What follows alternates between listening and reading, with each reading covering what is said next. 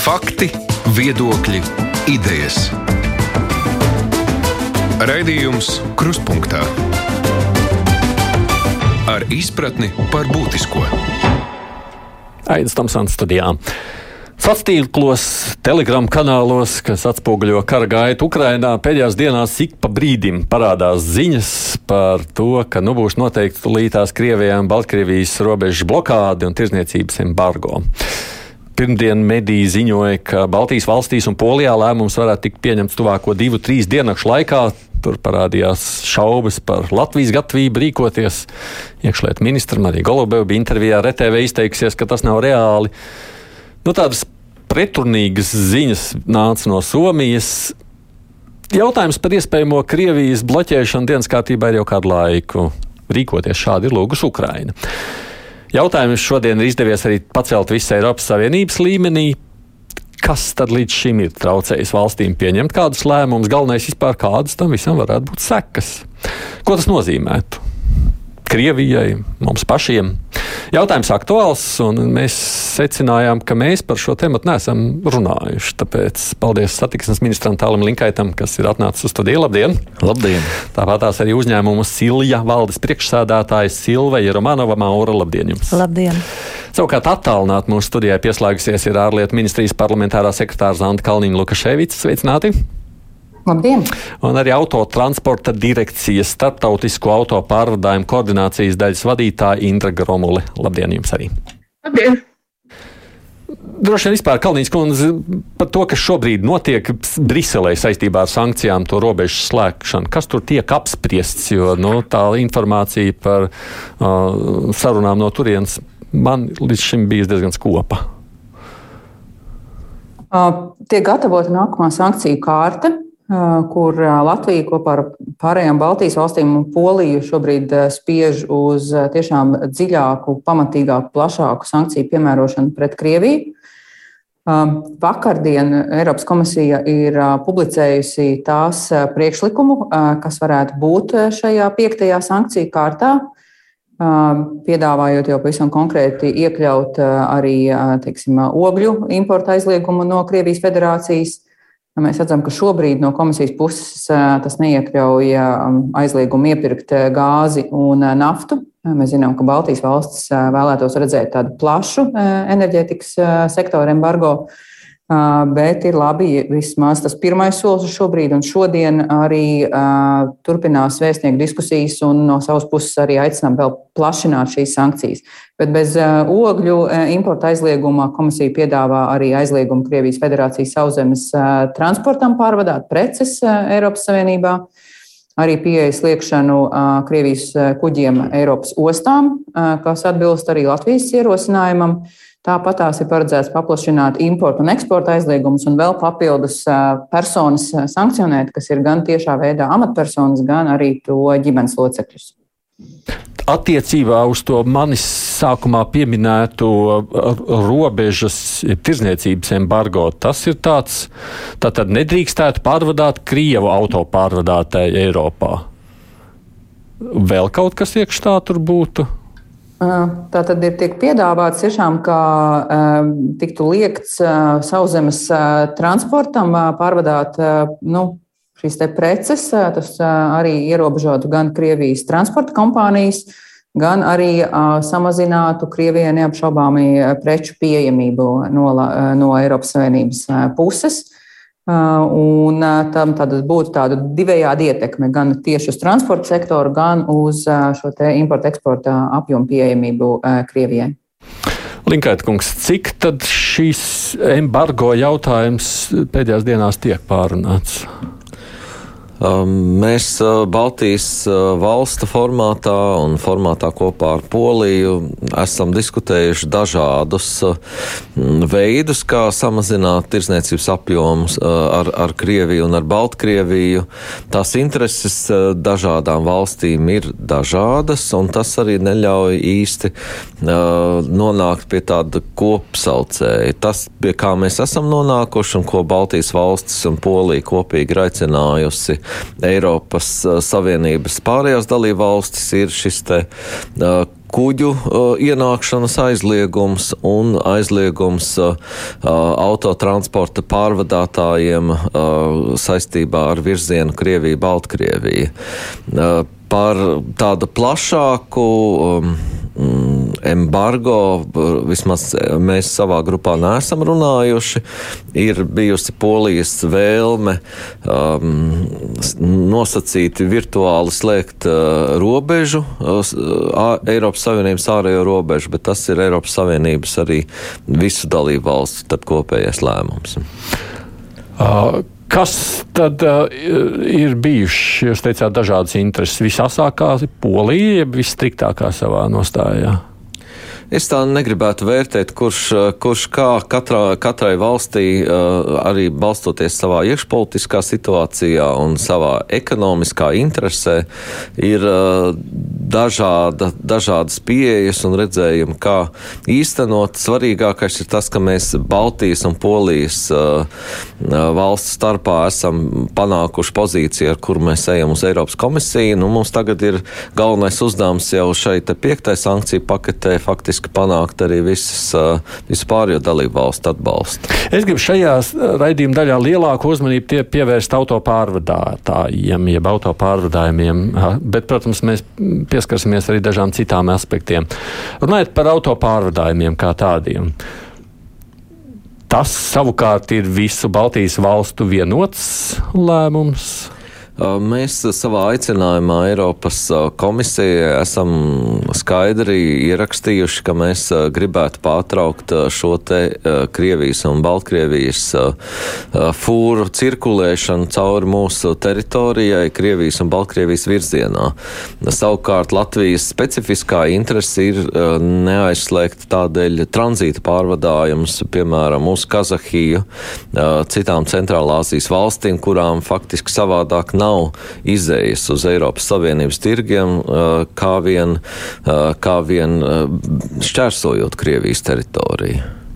Kas nozīmētu, ka Latvijai te bija šī īpašā situācija, šī iemesla dēļ, un pārējām valstīm ne? Arī pārējās ir, ir katra minējuši savus argumentus. Uh, Tāpēc, vai es pareizi saprotu, Kalniņš kundze, tas ir tas iemesls, kāpēc ir šobrīd sacīts, ka tieši Krievijas pārvadātājus, Baltkrievijas nelaistu iekšā mūsu teritorijā, nu, ne tikai mūsu, bet visu Eiropas Savienības teritorijā, jā, lai būtu iespējas to darīt kādiem citiem Kazakā, Kazakiem, piemēram.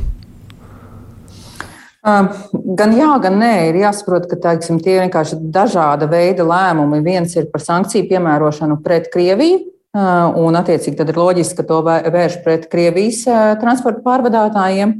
Un cita tipa lēmums var būt par Eiropas Savienības ārējās robežas ar Krievijas slēgšanu. Tas nav sankciju jautājums, tas ir tātad robežu slēgšanas jautājums, un par to piekdien diskutēs savukārt tieši iekšlietu ministru formātā. Kā, ko, nozīm, ko, nozīmētu, ko, ko nozīmētu robežu slēgšana savukārt ir praktiski?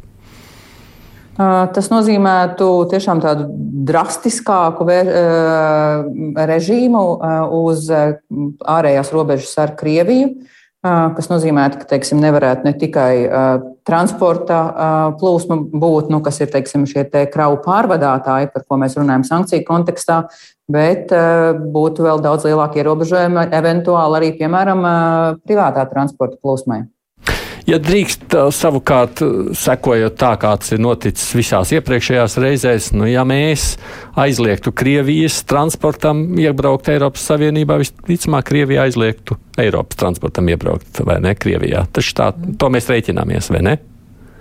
Neapšaubām, nu mēs esam, mums vienmēr ir jābūt gataviem, ka būs teiksim, simetriska, jeb tāda līdzīga veida arī vēršanās pret Eiropas Savienību vai nacionālas rīcības gadījumā nacionāli. Jā. Bet tas realitātē jau nozīmētu faktiski, nu, vismaz autotransporta jomā, savstarpēju embargo. Ne?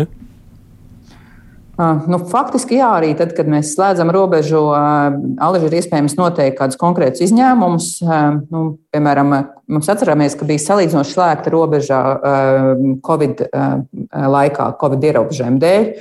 Bet tad bija noteikts, teiksim, ka nevar, kas var šķērsot šo robežu un kas nevar. Nu, bija izņēmumi humānu iemeslu dēļ, ja cilvēkiem bija teiksim, jādodas uz, uz veselības iemeslu dēļ, vai bija jādodas uz tuvinieku bērēm, kad tie bija izņēmumi, kad ļāva robežu šķērsot. Nu, tā arī citos gadījumos ir iespējams pateikt, ka kopumā robeža nav pieejama brīvai pārvietošanai, bet var būt kādi izņēmumu gadījumi, un konkrētas teiksim, cilvēku grupas, kam to atļauj. Es domāju, arī slēdzot teiksim, tādā plašā mērogā ar Krieviju ārējo robežu, joprojām mums būtu jāsaglabā iespēja, piemēram, Ukrainas pilsoņiem šķērsot no Krievijas puses mūsu robežu, lai varētu nokļūt pie mums. Jo šobrīd, par cik Krievija ir brutālā veidā no Ukrainas vairākus cilvēkus izvedusi tieši uz Krievijas teritoriju, tad nereti viņi cenšas nokļūt Eiropas Savienībā arī par sauszemes robežu, piemēram, Krieviju, Latviju. Es pie robežas slēgšanas vēl atgriezīšos. Savukārt, Gromulas kundze, skatoties uz autotransporta pārdājumiem, ko tas nozīmētu, ja starp Krieviju, Baltkrieviju un Eiropas Savienību nu, autotransporta pārvadājumi vairs nenotiktu? Mm, jā, mēs, protams, esam modelējuši šīs situācijas, esam runājuši ar, arī ar pārvadātājiem, darām to ikdienā. Jo, ja mēs tā nedaudz pagremdējamies statistikā, ņemot vērā, ka, lai veiktu autopārvadājumu, katram ir jāsaņem šī vienreizējā pārvadājuma atļauja. Teiksim, mēs izsniedzam mūsu pārvadātājiem Baltkrievijas, Krievijas atļaujas. Protams, tā puses izsniedz Latvijas atļaujas. Uh, Tātad tas ir arī tāds administratīvais mehānisms, un, ja mēs analizējam šos skaitļus, tad šajā gadā aptuveni 24% no visiem pārvadātājiem, kas strādā Latvijas tirgu, viņi ir pieprasījuši šīs atļaujas, ja, un tas nozīmē, ka šis ir tas segments, kas būs ietekmēts tieši, bet nu, nenoliedzami ir jārēķinās arī ar to, ka uh, Un ne jau šīs kravas izcelsmes ir Latvija, tas nozīmē, ka, protams, arī viss uh, loģistikas bizness un arī tie, kas strādā no rietumiem un vēd kravas līdz šīm te konsolidācijas vietām, uh, no, muitas noliktavām, protams, arī tiks ietekmēti. Ja? Un, protams, arī vēl ir nākamais ir uh, šīs tranzīta kravas, jo Pašlaik pieaug šī apjoma, ņemot vērā arī tās sezonālās iespējas, kādas ir gan uz Kazahstānu, ir vairāk pieprasītas atļaujas, uz Uzbekistānu un tā tālāk. Vēl ir tāda lieta arī, ka varbūt uz Baltkrieviju šis pārvadājuma apjoms ir vairāk tāds varbūt divpusējs, jā, bet savukārt uz Krieviju, jā, nenoliedzam šīs kravas nāk no visām pusēm, bet, protams, ir arī vēl viena lieta, ka kamēr vien būs ko vest, tad kaut kas tās krāvas arī vedīs. Jā, tāpēc pašlaik, kamēr ir vēl uh, tās krāvas, kas nav iekļautas sankciju paketē, arī mūsu pārvadātāji pašlaik strādā. Protams, viņi uh, ļoti, ļoti analizē, kāds ir šis um, preču lokus, ko drīkst vest, bet uh, pārvadājumi pašlaik notiek. Un, uh, arī mēs veicām tādu ekspresa aptauju, tepat nesen uh, marta beigās, telefoniski, uzdodot viņiem jautājumu par to, kāda ir pašlaik pārvadājuma apjoma, kādas ir viņu problēmas un kā viņi redz nākotni. Tad saistībā ar problēmām, protams, pirmā problēma ir rindas, jo pašlaik mūsu pārvadātāji stāv aptuveni uz Krievijas robežas 6-7 dienas, lai atgrieztos savukārt. Baltkrievijā jau tas sasniedz desmit dienas, kas ir diezgan kritisks laiks, lai vienkārši atgrieztos atpakaļ. Un, protams, šie ir norēķini, maksājumi, ir jā, jānorēķinās par degvielu, ir jāmaksā ceļu nodokļi, tāpat arī Krievijā jāturpina. Jā. Šīs problēmas viņi ir norādījuši, un vēl ir trešais aspekts, kas ir saistīts arī ar vīzām, jo nenoliedzami mums ir šis šoferu trūkums. Un daudziem aiz stūres sēž um, Baltkrievijas vai Krievijas šoferis, un cik Latvija vairs neizsniedz uh, vīzas Krievijas uh, profesionāliem autovadītājiem arī, dzen, jā, tad arī šeit ir šīs problēmas jau saistībā ar to, kas varētu sēdēt aiz stūris. Ja šīs robežas, šie pārvadājumi tiek pārtraukti ar Krieviju, jūs paredzat, būs bankroti? Nu, te varbūt es atsaukšos uz to mūsu telefonu aptauju, tad aptuveni viena ceturtā daļa tiem pārvadātājiem, tādiem lielākiem pārvadātājiem, kurus mēs intervējām, viņi teica, ka tad jā, tad viņi apstādina pārvadājumus. Tad, protams, ir tādi, kuri saka, ka samazinās savu parku. Un, nu, protams, arī ir šie tirgus meklējumi, jaunie tirgus meklējumi, ja, bet tas, protams, šajā situācijā nav tik vienkārši. Jo kravu apjomi samazinās. Nu, tāpēc mūsu aplēsēm tas varētu būt aptuveni 20% pārvadātāji, kas varētu arī savu darbību pārtraukt mm. uz laiku vai pavisam. Cik liels linkais kungs ir mums uh, no tas svarīgs īpatsvars uh, šī te kravu pārvadāšana Latvijas ekonomikā un tautsēmniecībā? Um, pēdējos uh, astoņus, desmit gadus šis pārvadājuma apjoms ir mazinājies, arī īpatsvars ir mazinājies. Um, ir mums autopārvadātāji, kas strādā tikai uz rietumu tirgu, un ir, protams, kas ir mērķtiecīgi izvēlējušies šā, strādāt uz šīm te uh, Krievijas, Baltkrievijas uh, virzieniem. Tur ir sava specifika, bet uh, mēs arī visu laiku esam atgādinājuši, ka tas ir augsta riska biznesa. Ar to arī ir jārēķinās, ka šis virziens ir neprognozējams no, no biznesa viedokļa. Un, uh, nu, tā ir katra uzņēmēja paša izvēle. Es teiktu vispārīgi, ka autopārvadātāji ir tie, kuri viselastīgāk reaģē uz tirgus pārmaiņām un var, var uh, mainīt savas darbības virzienu. Tāpat arī uh, kvalificētu šoferu trūkums mums nozarei ļoti liels. Un, un pat ja kāds uzņēmējs pārtrauc savu autopārvadājumu biznesu, tad viņa darbiniekam nav jāuztraucās par to, ka viņš palikt bez darba. Tas tā izskatās šobrīd. Svarīgi jau ne tikai, protams, to, kas ved, jautājums ir, ko ved. Tāpēc mēs arī gribējām, lai vismaz kāds no uzņēmējiem ir šeit studijā. Nu, tāpēc arī uh, Sil Silijas valdes priekšādātāji esam šeit aicinājuši. Cik šis jautājums par uh, tirdzniecības pārtraukšana ar Krieviju jums šķiet sāpīgs un satraucošs? Jebkurā gadījumā pēdējo gadu strauja attīstība, kas ir notikusi gan uzņēmē darbībā, gan sadarbībā, gan ražošanā, informācija tehnoloģija attīstībā, uh, ir nojauks jebkuru robežu ar jebkuru valsti. Jo tā sadarbība notika tik raiti un tik plaši, ka šobrīd pateikt, eh, nu, kā mēs te tagad runājam, Kazahijas uzņēmums var vest un Krievijas nē, mēs jau nezinām, cik tur ir un kas ir pie dibinātājiem, vai mēs to varam līdz galam izsekot. Tā ir viena lieta. Otra, jebkuras sankcijas šādā ekonomikas, nu, tas ir tā kā, piemēram, strauji braucot ar mašīnu, pēkšņi nu, nolikt pa bremzēm. Tas tāpat izskatās sāpīgi ir visiem, visiem arī pasažieriem, ne tikai šoferiem. Un, un, uh, līdz ar to uh, šī sankcijas skar arī jebkuru uzņēmēju Eiropas Savienībā un Amerikā, jo šī sadarbība ir bijusi. Kā tās skar, nu, es domāju, ka seks vēl jau nekas nav beidzies, un kas zina, kad un kā vēl beigsies, bet pēc tam vēl būs grūti seks. Kā tas uh, mums konkrēti izpaužās? Uh, pirmkārt, ļoti daudz izējuma materiāla trūks. Ja esmu, kas ir jūsu biznesa vispār, jā, lai, lai klausītājiem tā ir, pastāstiet? Tā ir lauksaimniecība visplašākā nozīmē. Konkrēti mans uzņēmums tā ir dārzkopība, tehnika, tirzniecība kārtība, remonts un, un viss šīs te rezerves daļu serviss un, un viss pārējais, kas, kas vien vajadzīgs ražošanai. Nu, tā aina ir diezgan baisa, jo, piemēram, mēs šobrīd nevaram saņemt minerālu mēslus un, nu, kaut vai, teiksim, lai saprastu, ko mēs rudenī maksāsim par maizi, tad pagājušā rudenī slāpeklis maksāja 280 eiro tonnā. Šobrīd 1208 eiro tonā. Tie nav 10, tie nav 20, tie nav 30. Eh, vairāk mūsu partneri Polijā, kuri ražo minerālu mēslus, atsakās tos piegādāt, jo nav izēvielu, kuras ir Ukrainā, kuras ir Krievijā, kuras ir Baltkrievijā. Tā kā tā atkal ir ķēdes reakcija. Protams, kaut kur Kanāda, kaut kur tālāk, bet tur atkal viss certificēšana, viss pārējais.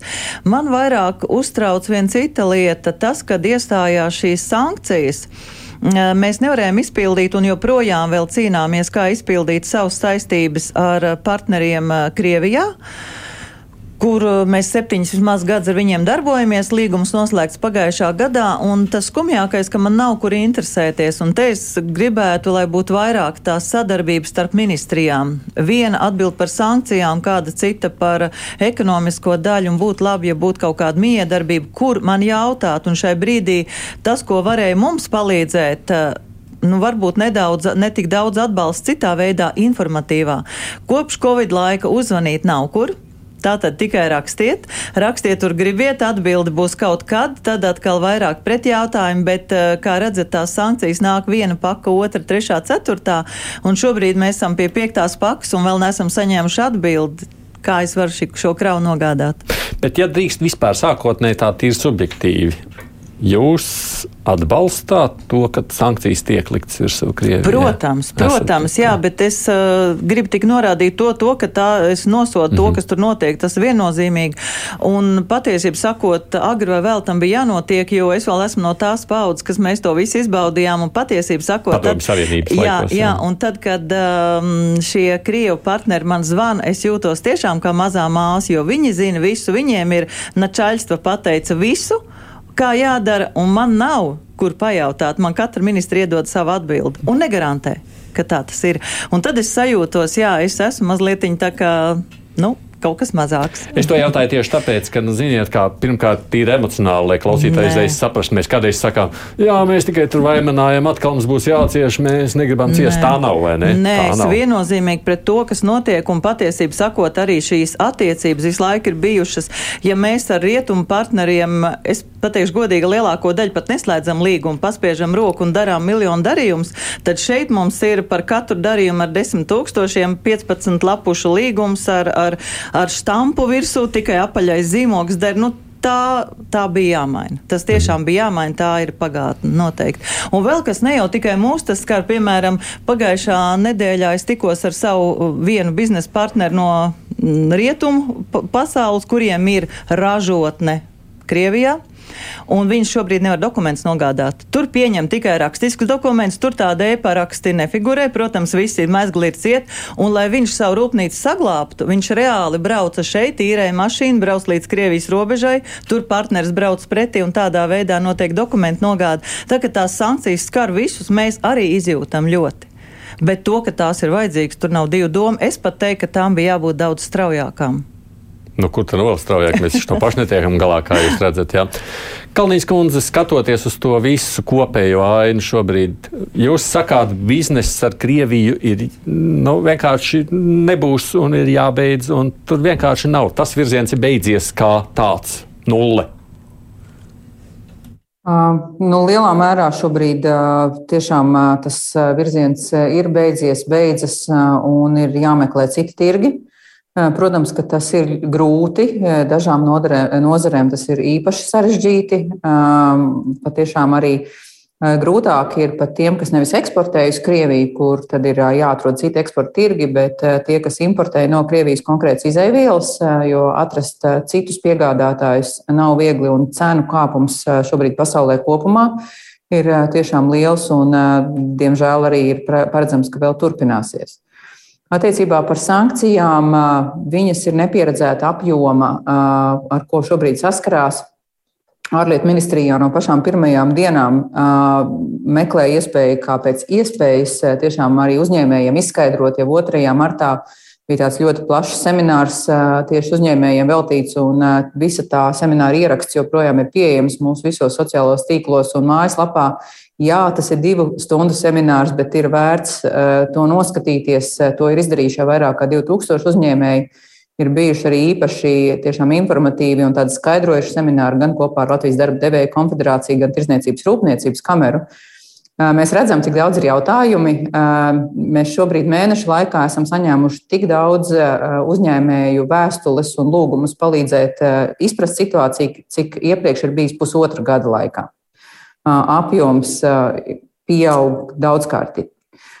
Bet ir pieejami šie skaidrojumi. Jā, nevienmēr tas būs telefonā, bet rakstiski. Bet mēs arī, es domāju, varam saprast, ka tik pie tik liela apjoma katram individuāli, teiksim, tieši mutiski skaidrot, nevienmēr ir tas efektīvākais resursu un laika izlietošanas veids. Bet es varu vēlreiz aicināt arī atlicināt uzņēmējiem teiksim, iespēju un noskatīties šo video skaidrojumu, kas atbild uz ļoti daudziem konkrētiem jautājumiem.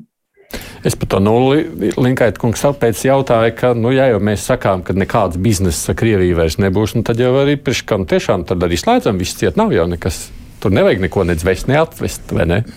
Jā, nu, mēs, manuprāt, no Baltijas puses un, un arī Polija ir tās valstis, kuras visaktīvāk iestājās par to, ka, ka tai reakcijai ir jābūt straujākai un asākai.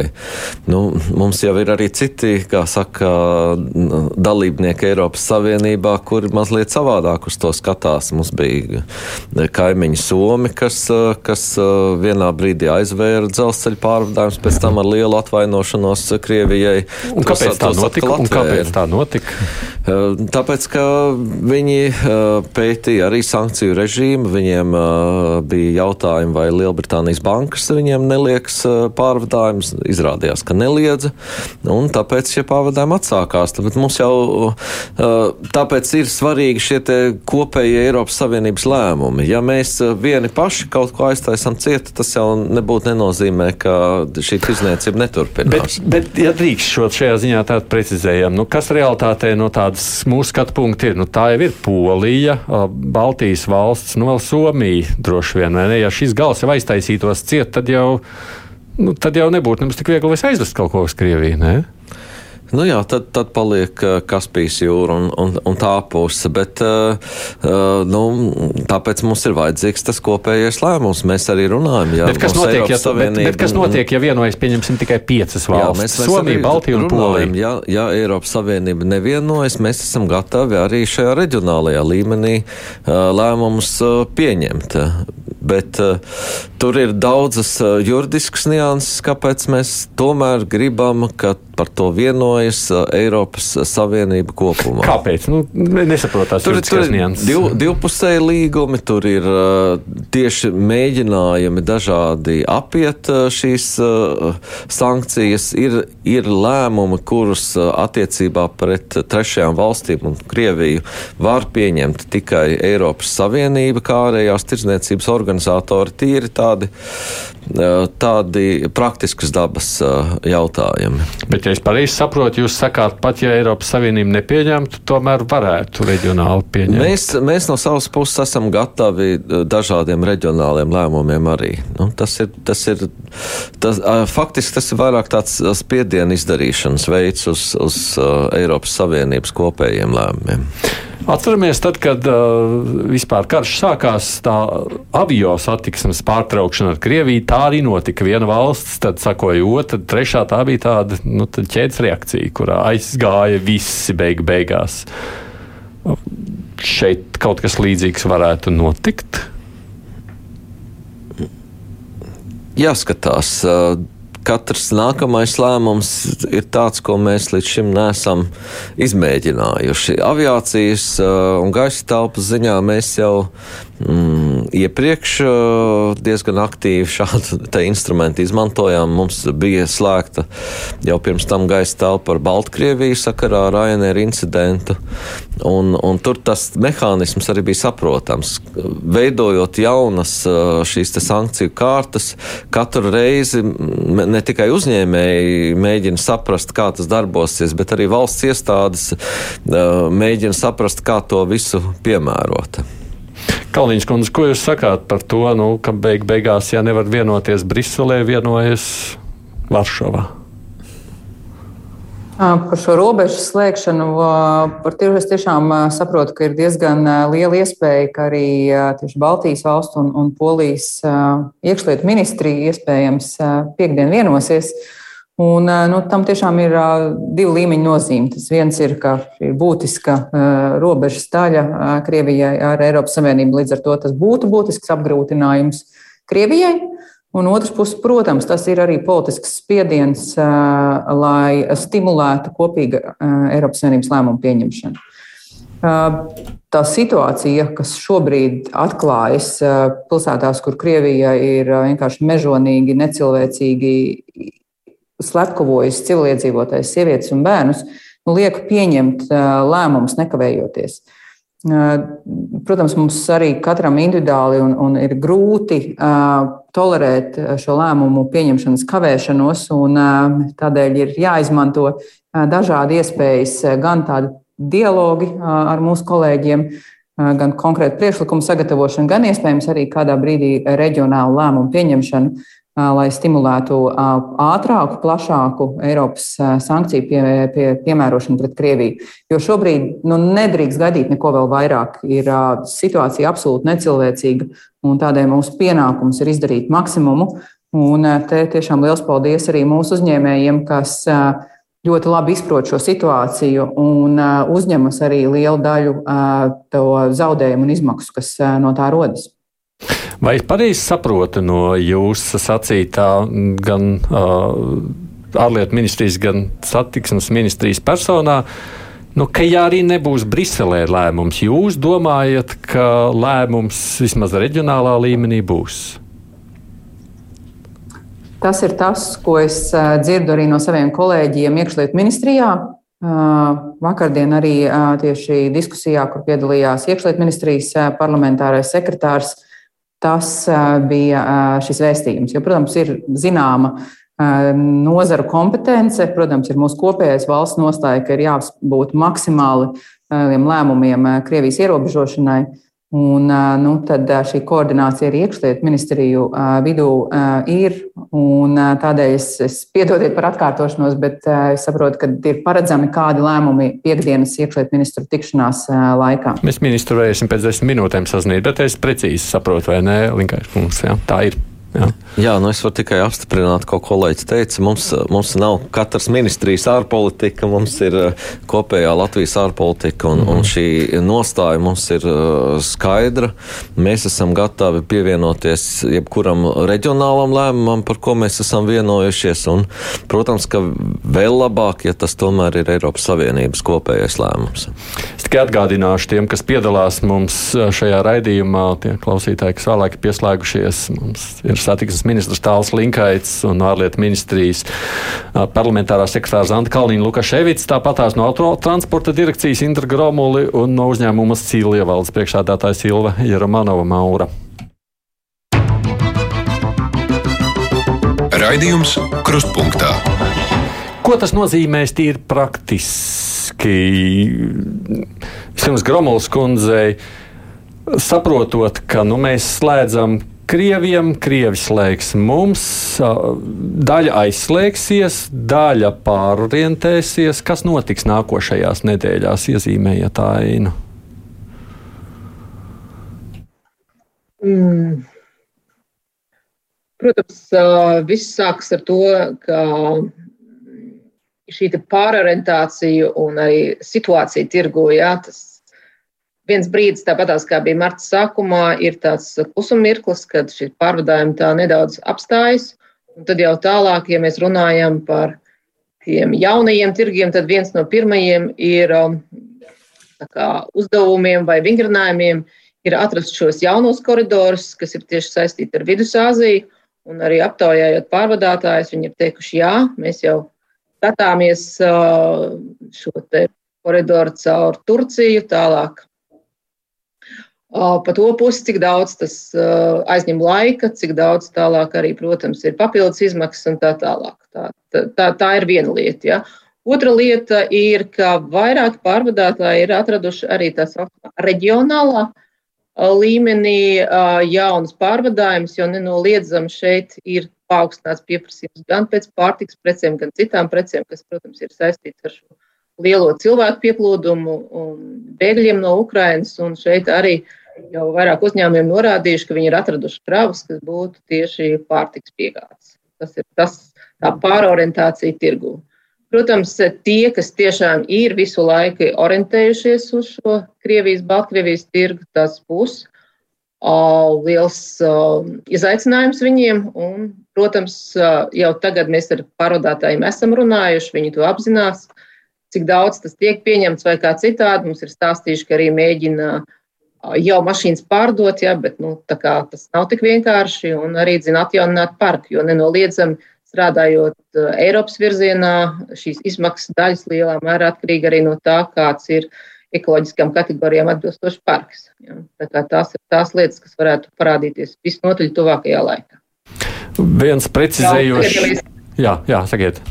Jau tagad, ja mēs skatāmies, kādas atļaujas ņem, ja, jau tagad tas spektrs ir daudz, daudz lielāks. Ja agrāk tur dominēja tikai Krievija, Baltkrievija, tad tagad jau mēs redzam, ka tur parādās vairāk Vidusāzijas valsts, protams, arī Turcija. Nenoliedzam, tas viens ir, ka ir šis tranzīts, arī vairāk kravas iespējams arī, ka tur tiek vestas līdz Turcijai un tālāk jau to veids Turcijas pārvadātāji. Jā, tas tā var būt. Un, protams, arī Balkānu reģions.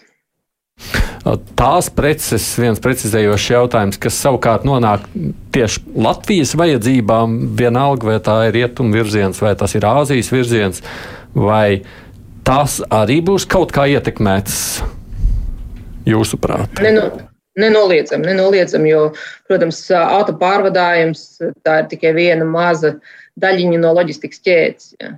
Tas ir ne tikai autopārvadājumi, tā ir loģistika un, protams, arī citu veidu pārvadājumi, jo īpaši arī jūras pārvadājumi. Bet nu, no otras puses, nu, no Ķīnas līdz Latvijai jau tas šit kā varēs vest, tikai nevarēs pa Krievijas pusi ceļot, vai ne? Vai Rietuma Eiropas ostās ieiet Krievu kuģi. Tas tomēr ietekmēs, nu, lai, lai mēs saprastu, ko mūsu klausītājiem jārēķinās. Ir.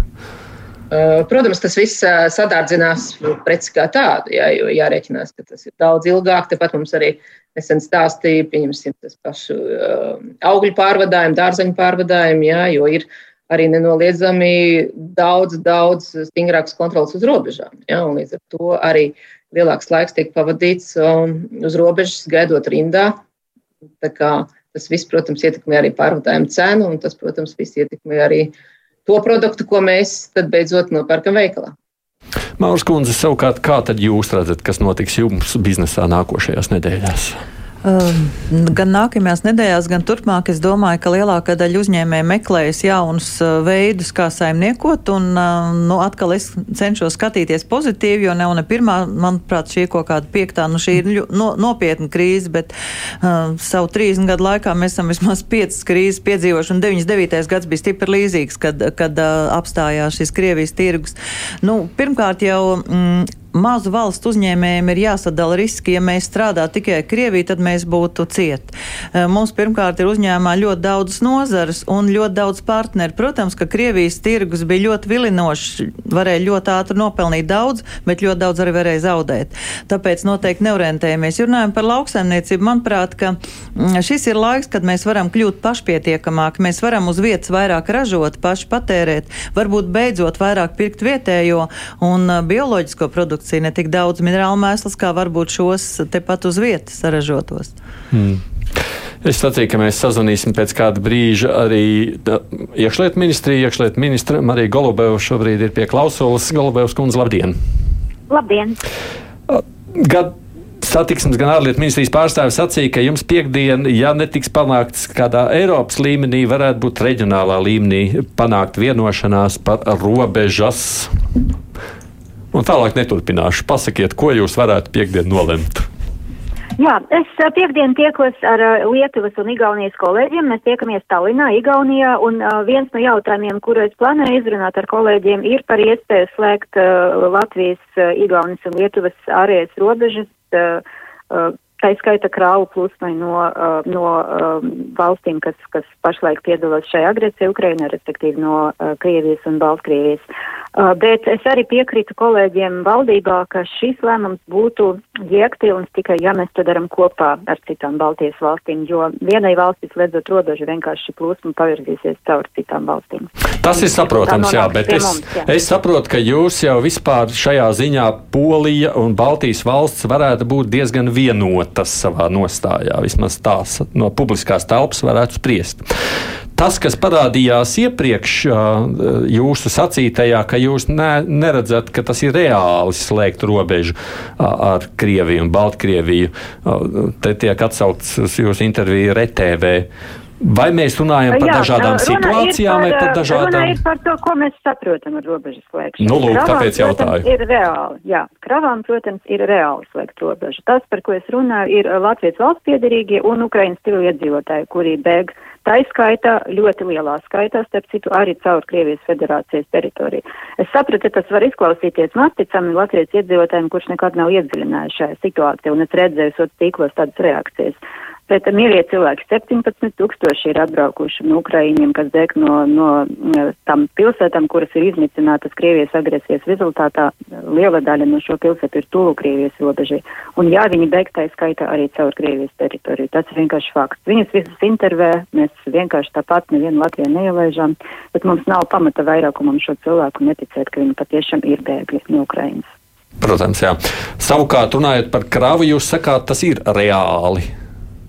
Es domāju, ka pilnīgi noteikti un arī nebūtiskai ceļošanai, bet eh, tam, kā es vēlreiz saku, jābūt, jābūt uh, skaidra, skaidram uh, vienošanas plānam kopā, kopā ar citām Baltijas valstīm. Un Tā... vēlams arī ar Poliju, jā. Jā, Polija un Baltijas valsts un Somija. Nu, tas būtu jau diezgan sarežģīti. Tad jau, manuprāt, Eiropas līmenī būtu jāpanāk tā vienošanās. Jo Baltijas valstīs mēs pat cik mums ir regulāra sadarbība iekšlietu jomā, un tā skaita runājot par robežas problēmām, Mums, es domāju, salīdzinoši tehniski vienkārši vienoties, bet kas attiecas uz, uz Somiju un citām valstīm, tad jau mums būtu diezgan plašs jautājumu lokus jārisina, un tur man liekas, ka tomēr tāda Eiropas Savienība būtu tas pareizais formāts, kur, kur lemt par šādām lietām. No nu, Eiropas Savienības līmenī arī tas tiek skatīts, cik es saprotu, vai ne tā? Jā, jā, nu tiek skatīts tas ne tik daudz iekšlietu ministru līmenī, bet, bet, bet nu jā, valsts, valsts vadītāju un, un arī citās, citās padomēs, jā. Varētu mazliet vēl tomēr iezīmēt, ko nozīmētu slēgta robeža kravas pārvadājumiem. Tīri praktiski, ko tas nozīmē, kā tas izskatītos.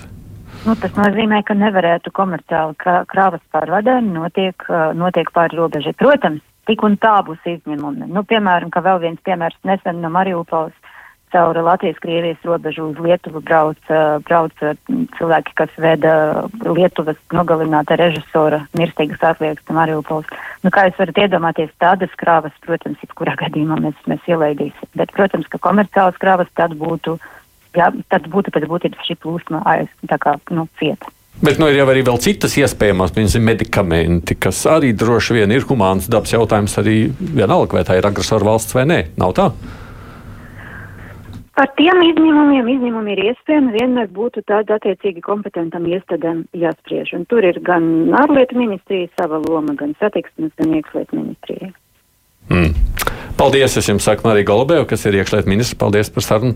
Par tiem izņēmumiem es mazliet pieminēju, jūs tā kā sākāt mākt, tie ir cilvēciski ar galvu, bet no nu, leģiski vai te ne jau kaut kādas lietas, kurās. Mm, tad... Nu, cik, es, cik es esmu dzirdējis šo visu propagandu Krievijā, viņiem jau neko nevajag no tā rietumiem. Ā, viņiem taču viss ir. Un priekš kam un slēdziet, cik gribiet, sankcionēt, cik gribiet, mums no jums nekā nevajag. Nu tad, ka nevajag, tad, nevajag, tad lai nevajag, paši jā. ražo, ko māk tik vienkārši ir Kalniņš kundze. Ja tas tomēr ir tāds kaut kāda nu, komandas dabas jautājuma, tomēr aspekts, ko nedrīkst ignorēt. Nu, šobrīd arī domājot par šo importu un eksporta aizliegumu paplašināšanu no Eiropas Savienības puses, no Eiropas komisijas puses ir iezīmēti daži iespējamie izņēmumi. Tur, piemēram, ir atsevišķas pārtikas preces, bet nevis nu, visas, bet tiešām atsevišķas specifiskas.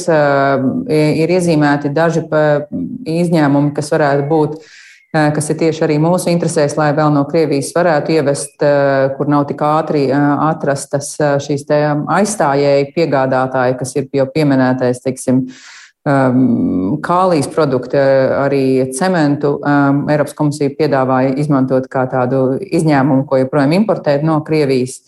Uh, uz Krieviju uh, ir paredzēts tiešām.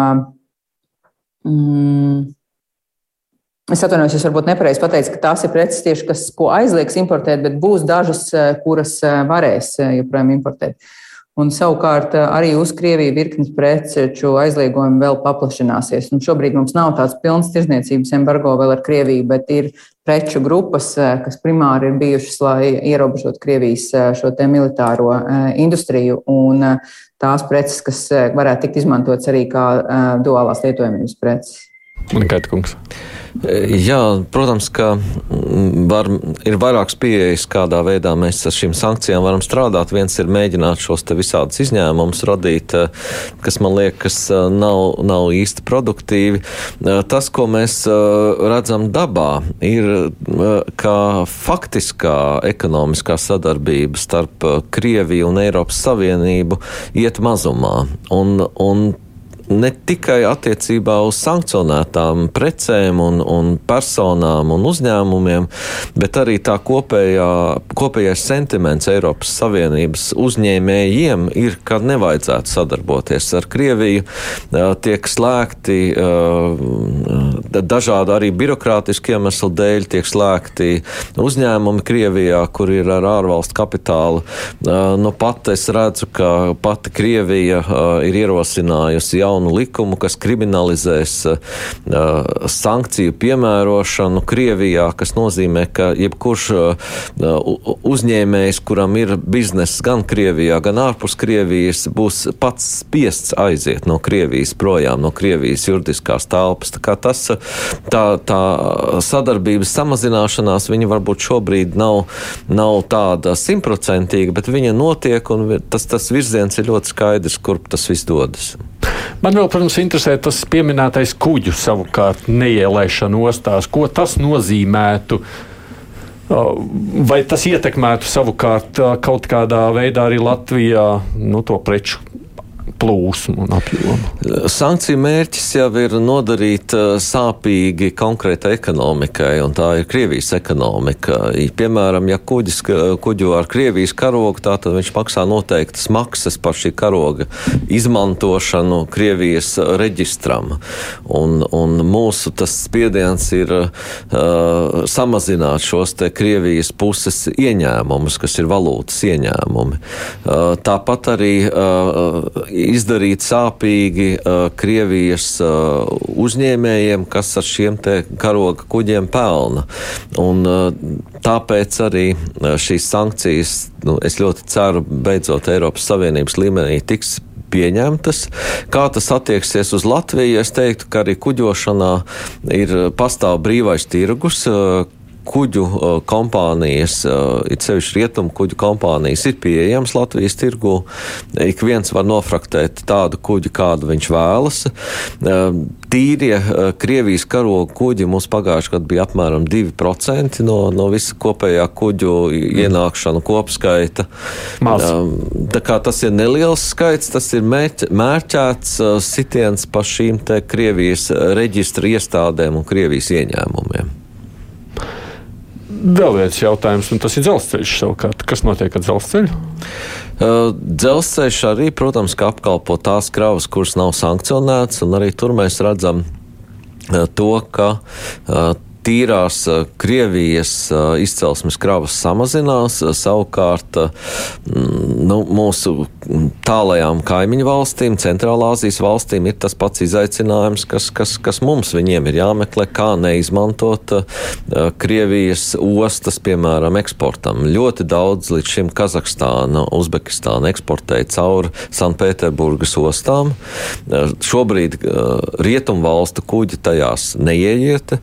Līdz Līdz ar to ir jāmeklē citas iespējas, un mēs redzam, ka daudzas no šīm kravām nāk uz Latviju, un tāpēc dzelzceļš funkcionē. Protams, ka mēs esam arī rēķinājuši to dramatiskāko, pesimistiskāko scenāriju. Ja viss aizgriežam cieta, nu, tad mums dzelzceļš paliek kā izolēta triju Baltijas valstu dzelzceļa sistēma ar apmēram 15% no tā apjoma, kas ir pat labāk.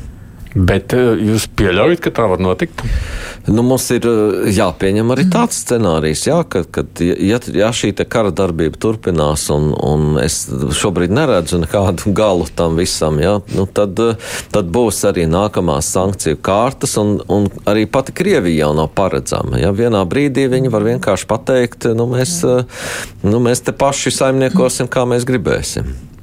Dzelzceļš kaut kādā brīdī uzņēmējiem šobrīd nav tas, kas palīdz vēl lietas kārtot vai risināt. Nu, jebkurš transporta veids, jo jebkura prece ir jātransportē gan uh, lidojot, gan pa sauszemi, gan pa dzelzceļu, jebkuru un pa, ar kuģi. Ja visus aizslēdz, protams, viss beidzās. Protams, ar rokām nevaram pārnest pār robežu. Bet, nu, faktiski mēs šobrīd atstātu tikai Krievijai dzelzceļu rietumvirzienā nu, rietumu virzienā Krievijai tie, tās iespējas ir arvien mazākas, Jā. es tā teiktu. Kalniņš kundzes dzelzceļa jautājums netiek apskatīts jau šobrīd, vai tas neceļas jau šajās starptautiskajās sarunās? Nu, gan jā, gan nē. Teiksim, šajās kopumā apspriežot sankcijas īstenībā nav tādu tabū tēmu.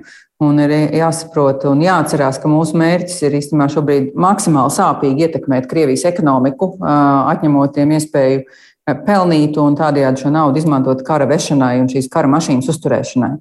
Tādēļ arī pat ja šobrīd vēl ir kādās jomās atļauts šī tirzniecība ar Krieviju, nu, būtu pēdējais laiks meklēt citus sadarbības partnerus, pilnībā pārorientēt savus importu, eksporta tirgus, Pirmkārt, tiešām, lai nedotu iespēju arī Krievijai pelnīt, tā skaitā no nodokļu ieņēmumiem no šiem darījumiem. Un otrkārt, arī apzinoties, ka tūdaļ tiks vēl paplašināts šīs sankcijas attiecībā uz bankām, kas strādā Krievijā, tā tad būs vēl grūtāk norēķināties un tādēļ arī, lai uzņēmēji pasargātu sevi. Arī nevajag nonākt situācijā, ka var kavēties kādi maksājumi. Bet nu, tas lielais mūsu uzstādījums taču ir sagraut Krievijas ekonomiku, lai tās kara mašīna vairs nespētu turpināt slepkavot cilvēkus Ukrainā. Tādēļ ir jādara viss un jāizslēdz finanšu plūsma uz Krieviju un uz Kremli. Mēģinām pēdējās divās minūtēs salikt kopsavilkumu no tā, ko esam runājuši. Šodien notiek jeb sāks, jeb, nu, sarunas Briselē, skatoties to Eiropas līmenī. To vai pieņems lēmumu par šādu kravu pārvadājumu aizliekšanu ar Krieviju vai Baltkrieviju, to mēs kad uzzināsim, Kalniņš kundze. Es sagaidītu šo lēmumu tiešām tuvākajās dienās. Tas, ka Eiropas komisija jau ir publiski paziņojusi tās tēmas, par ko šobrīd vienu apspriež, iezīmē to, ka ir zināms konsensus jau tāds noformējies un tam tuvojas. Es ceru, ka nebūs kāda pēdējā brīža šķēršļi.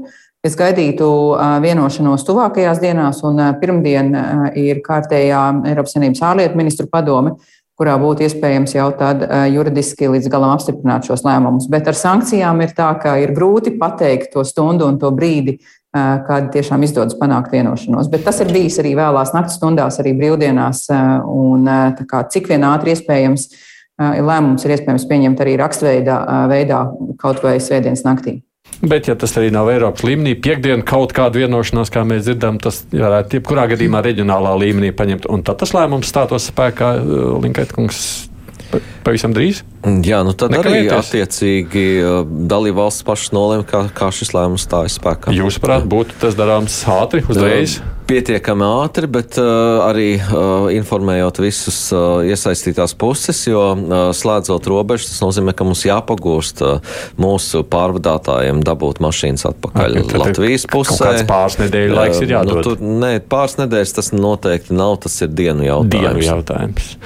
Un savukārt uzņēmēji viss slēdzam ciet un strādājam tikai un vienīgi citā virzienā. Tā es pareizi. Jā, mēs domājam, ka tas virziens jau sen pierādījies, ka daudz veiksmīgāks, bet es tomēr gribētu teikt, ka tas emocionālais zaudējums Krievijas sabiedrībā būs lielāks, jo mēs esam izslēguši gan kultūru, gan mākslu, gan sportu. Un tas ir daudz svarīgāk nekā biznesa reizēm. Sijā Silja valdes priekšsēdētāja Silveja Romanova Maura, no ārlietu ministrijas parlamentārā sektāra Zanta Kalniņa Lukaševica. Indra Gramola pārstāv autotransporta direkciju, ir starptautiskā autopārvadājumu koordinācijas daļas vadītāja un satiksmes ministrs Tāls Linkaits. Paldies jums visiem par atrašanu laiku un iesaistīšanos šajā sarunā. Producē raidījuma Evi Junāna studijā biju es Aidis Tomsons.